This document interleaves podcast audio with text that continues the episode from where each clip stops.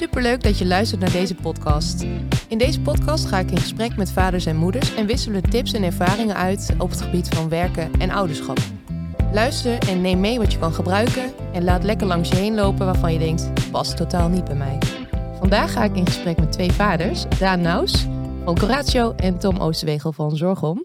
Welkom Daan en welkom Tom bij deze podcast. Ik wil jullie vragen, stel je even voor aan het publiek. Nou, ik uh, zal me eerst even voorstellen. Ik uh, ben uh, Daan Naus en ik werk sinds 2009 bij, bij Coratio. Um, ik ben een aantal jaren weg geweest. Sinds twee jaar ben ik weer, weer terug. Um, ik heb drie kinderen en daar ga ik straks meer over vertellen. En de leeftijd van de kinderen? de jongste is drie, de middelste is zeven en de oudste is tien. Goed, Tom. Mijn naam is Tom Oosterwegel. Ik werk sinds 2019 bij Zorgon als accountmanager binnen de VVT en gehandicaptenzorg. Um, ik ben vader van, uh, van Gijs. Die is afgelopen weekend uh, één geworden. Dus uh, nou, ik ben, ben benieuwd. Mooi. We, hebben, ik, we gaan even door op de verschillende fasen, zeg maar. Van je vrouw of jullie hebben, verwachten een kindje. Uh, je werkt toe naar de uitgerekende datum. Op een gegeven moment uh, gaan jullie misschien ook wel gezamenlijk met verlof. Dus een stukje partnerverlof. En op een gegeven moment ga je weer aan het werk. Per uh, onderdeel heb ik een stelling slash een aantal vragen. En ik ben heel erg benieuwd naar jullie reacties daarop. Als we kijken naar het eerste thema. Jullie verwachten een kindje samen. Vind je dat dan spannend om te melden aan je werkgever of misschien wel opdrachtgever? Kijk ik Daan even eerst aan. Um, nou ja, bij de eerste wel. Ik heb er drie. Dus het is voor mij allemaal ook in verschillende fases van mijn loopbaan bij Quaratio. Maar uh, toen uh, um, mijn vrouw zwanger was van Esme, dat is mijn oudste dochter. Toen zat ik nog in mijn uh, traineeshipjaar van Quaratio. En ja, daar vond ik het op zich wel even lastig om. Hè, dat zijn eigenlijk, is eigenlijk het moment dat je een vliegende start wil maken van je carrière. Je wil maximaal inzetten op je werk. En eigenlijk kom je met een boodschap waarin toch wel wat flexibiliteit van je opdrachtgever wordt gevraagd. Dus dat, uh, ja, dat vond ik wel een beetje spannend, maar het heeft goed uitgepakt. En hoe heb je dat aangepakt om dat uh, dan te delen? Um, nou ja, eigenlijk maar gewoon voor de leeuw gegooid. Uh, het gesprek aangegaan met mijn, met mijn opdrachtgever, met de manager van de afdeling waar ik op dat moment werkte. En gewoon uitgelegd ja, wanneer mijn vrouw uitgerekend is, wat de consequenties zijn. Ook wel aangegeven dat het in principe geen invloed heeft op het werk, omdat de uren gewoon door blijven gaan.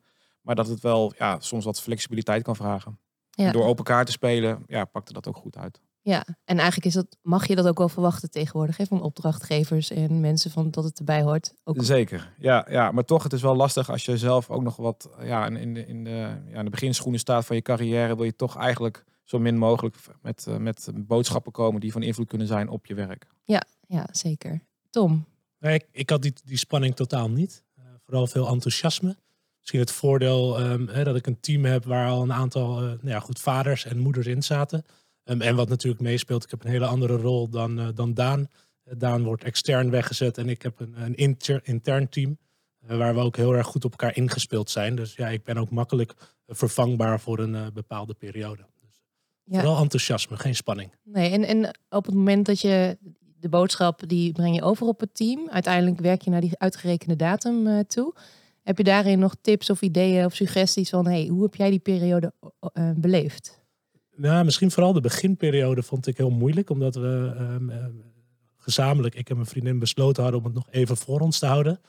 Ja, en dat vind ik heel erg moeilijk. Uh, op een gegeven moment besloot ik om het een van mijn directe collega's te vertellen. Uh, meer vanuit weet je, het idee van, hé, hey, dan is het in ieder geval eruit en dan heb ik iets meer rust voor mezelf. Dus uh, dat was ergens ook wel een bijzonder moment, omdat dat de eerste persoon was die nou wist dat ik vader zou worden.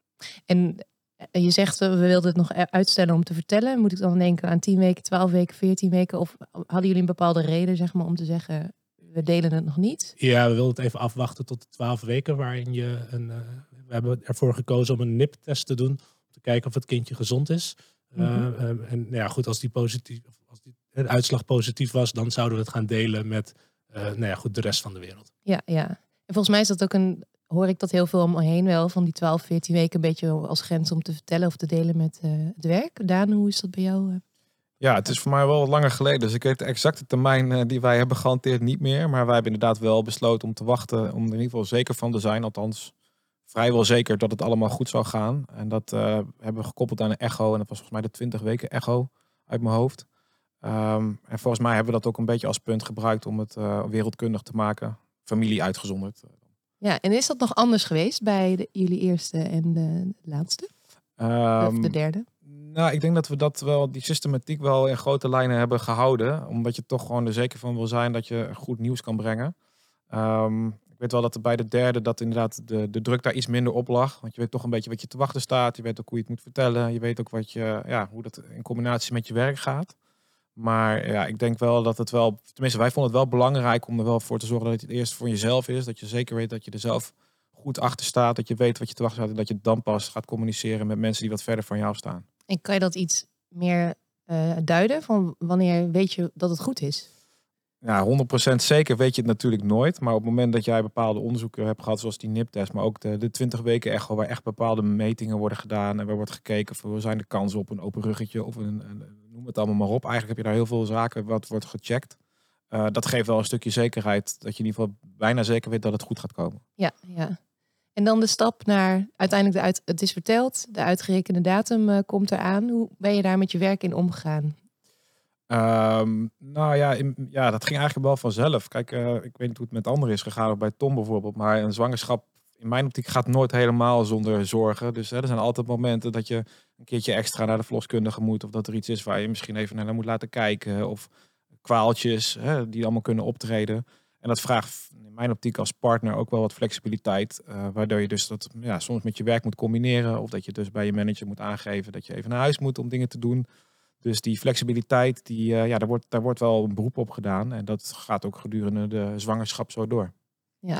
En die flexibiliteit die was er, of die heb je echt ervaren dat je die kon pakken? Of is dat ook Eh, wel een beetje hoe Daan is van ja, ik stel me flexibel op naar de werkgever en dat komt. Ja, ja, dat denk ik wel. Ik zou zo vanuit, je hebt natuurlijk in mijn rol te maken met je werkgever en je opdrachtgever.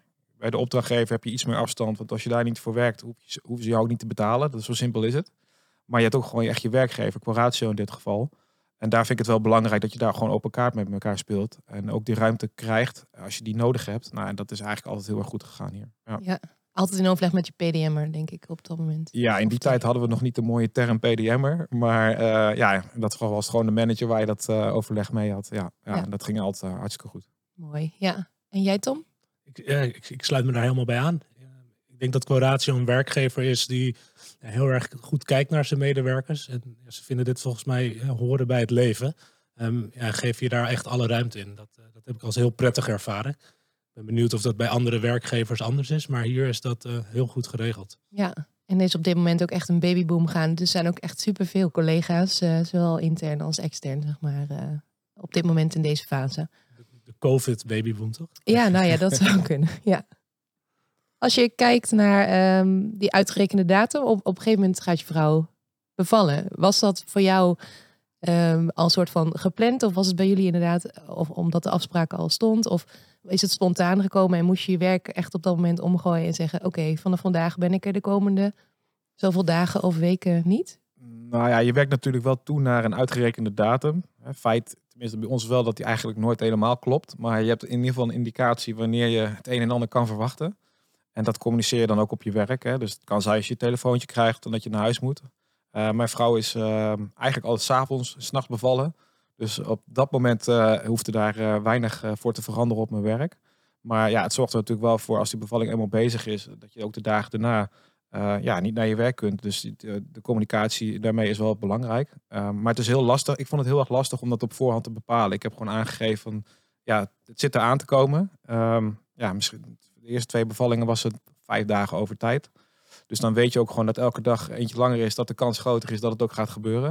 Een keertje vals alarm erbij, dat je toch weer even naar huis moet en weer terugkomt. Nou, weet je, ja, je kunt het niet echt plannen, maar door daar eh, open kaart mee te spelen, ehm, denk ik dat je daarmee ook wat draagvlak creëert voor je manager op dat moment om te zeggen, joh, als je moet gaan, ga je gewoon. Ehm, en die open kaart, ehm, maar had je dan ook qua werk, organisatie, dat je zei van nou dat je nog iets meer aandacht had in verslaglegging en, ehm, en taken en acties die je open had staan, zodat je dat ook makkelijk kon overdragen? Ja, het, het- vooral bij de eerste, bij SME, ehm, zat ik echt in een uitvoerende administratieve functie als eh, salarisadministrateur. Waarbij je ook gewoon je eigen klantenpakket hebt. Ja, die klanten die moeten natuurlijk ondertussen wel gewoon verloond worden. En alle, de business draait gewoon door. Dus ja, daar ga je dan op dat moment wel rekening mee houden. Dat als het moment daar is en je bent er even uit de running. dat men ook het, werk van je kan overnemen. Dus die overdracht, die, ja, die doe je eigenlijk voor, op voorhand al. Op het moment dat het nodig is, hoef je eigenlijk nog maar één keer even vanuit huis eventjes de laatste dingen door te geven. En dan kun je ook echt jezelf de rust geven om uh, op, je, op je gezin te focussen. Ja, ja. En Tom? Nou, misschien is dit wel mijn grootste teleurstelling van de hele zwangerschap geweest. Dat ik het voor ogen zag dat ik misschien bij een klant zat of op kantoor. En uh, dat ik gebeld zou worden van, hey Tom, je moet nu naar huis komen. Uh, mm -hmm. Dat is niet gebeurd. Uh, en, en, dan tikt het wel af, hè, want vanaf week 38 ja, dan wordt het toch wel wat spannender. Dan zorg je, heb ik ervoor gezorgd dat er al een goede overdracht ligt. wij communiceren ook onderling met accountmanagers heel veel, dus zij kunnen dat ook makkelijk en snel, snel overnemen. Maar goed, dan is het 38 en dan 38 in een paar dagen. En dan ga je naar week 39 en dan denk je, nou, nu moet het toch wel bijna gaan komen. Week 40.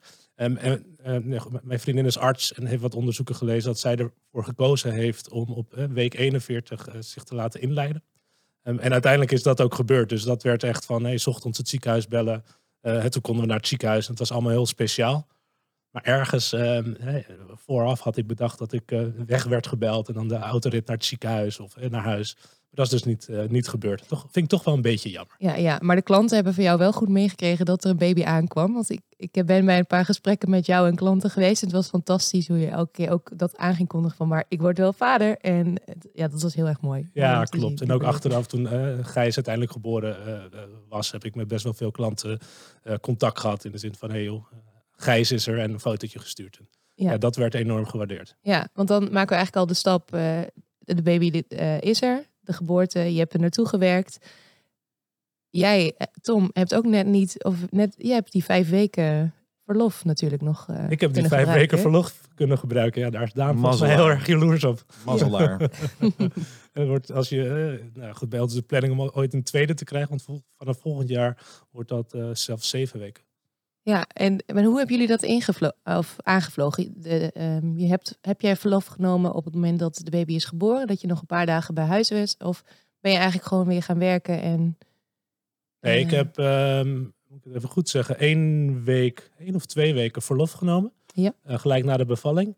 Uh, en we hebben in overleg besloten om die andere weken verspreid op te nemen.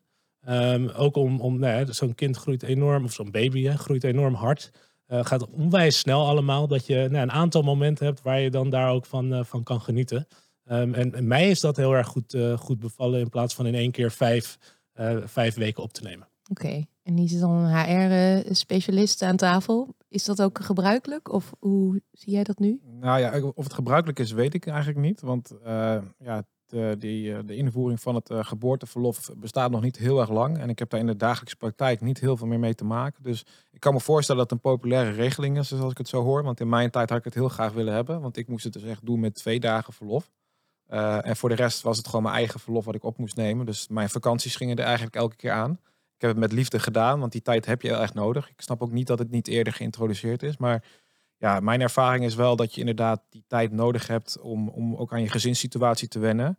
En op het moment dat je dat niet vanuit je werkgever krijgt, ja, dan rest je maar eigenlijk maar één ding in mijn optiek. En dat is gewoon je eigen verlof op te gaan nemen. Ja, en mooi dat dat nu in mindere mate hoeft in dit geval. Klopt. En het wordt nog beter, heb ik begrepen. Want vanaf volgend jaar komt er ook nog uh, negen weken betaald ouderschapsverlof bij. Dus ik denk dat de overheid eindelijk inziet dat uh, de situatie zoals die is geweest eigenlijk niet meer past in deze tijd waarin je eigenlijk mensen, uh, man en vrouw, toch min of meer gelijk aan elkaar in de maatschappij werken, uh, naast elkaar werken, allebei net zoveel, uh, net zo druk zijn.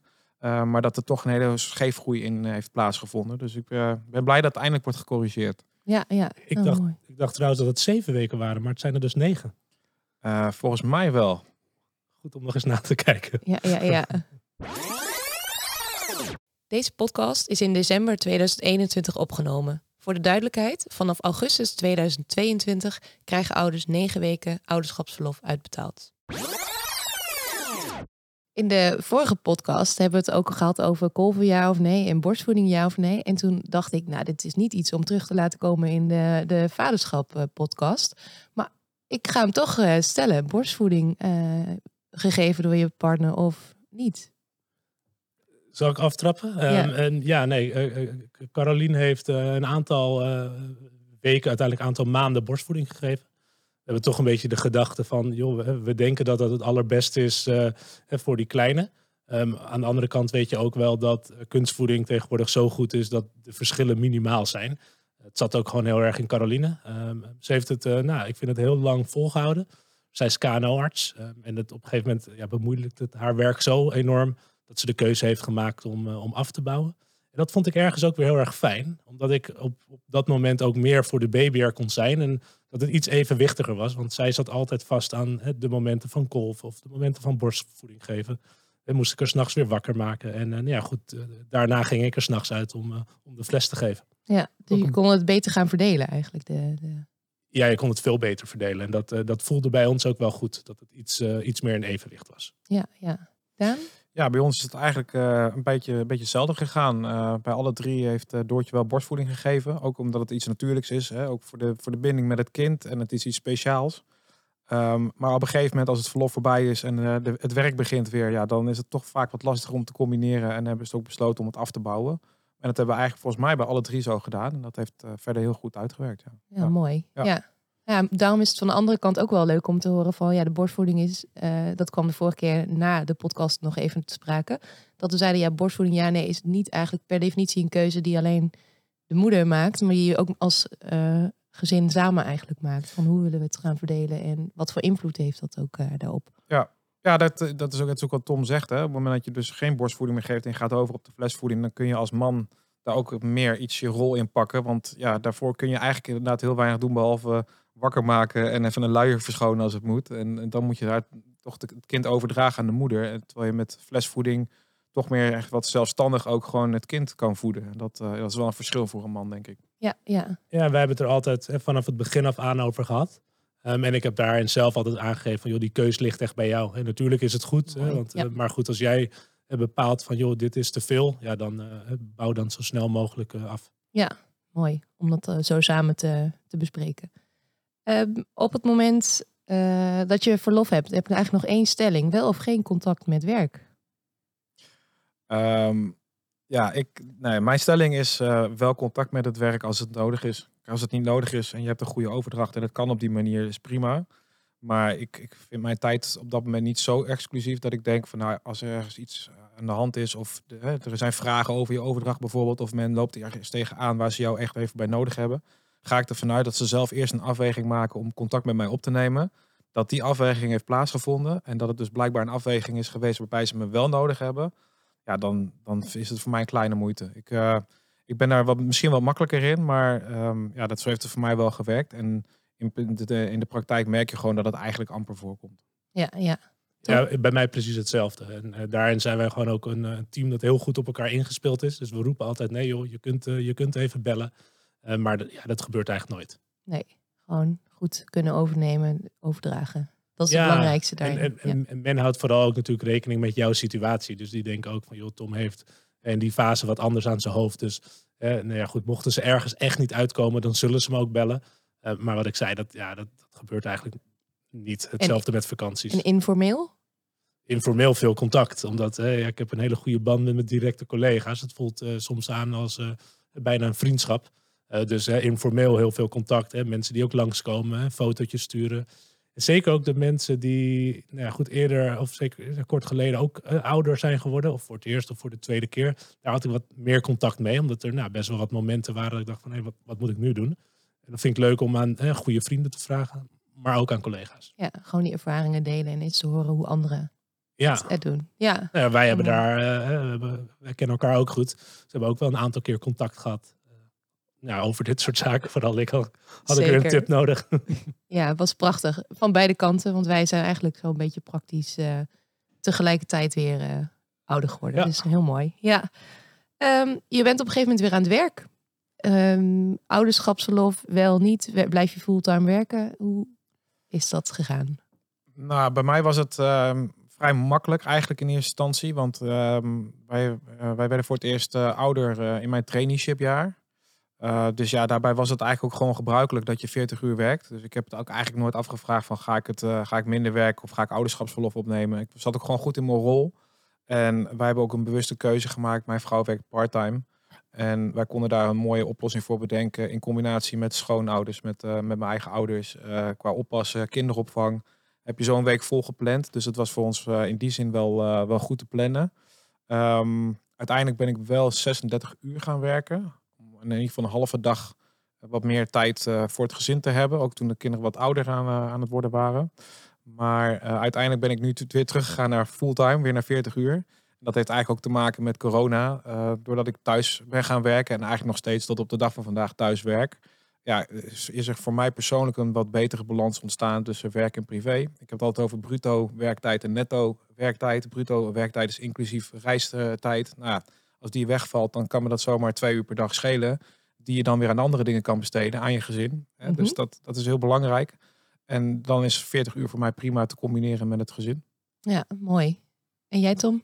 Ik, ik denk dat we dan gelijk uitkomen op een ander onderwerp voor een podcast. Eh, maar ik heb altijd maar 32 uur gewerkt. En ehm, het- dus dat is ook nu gebleven. Ik heb niet, ben niet minder gaan werken, maar ook niet meer. Ehm, en ik geloof daarin. eh, toevallig uh, vanochtend met een andere collega nog over gehad, die ook uh, parttime werkt, 32 uur.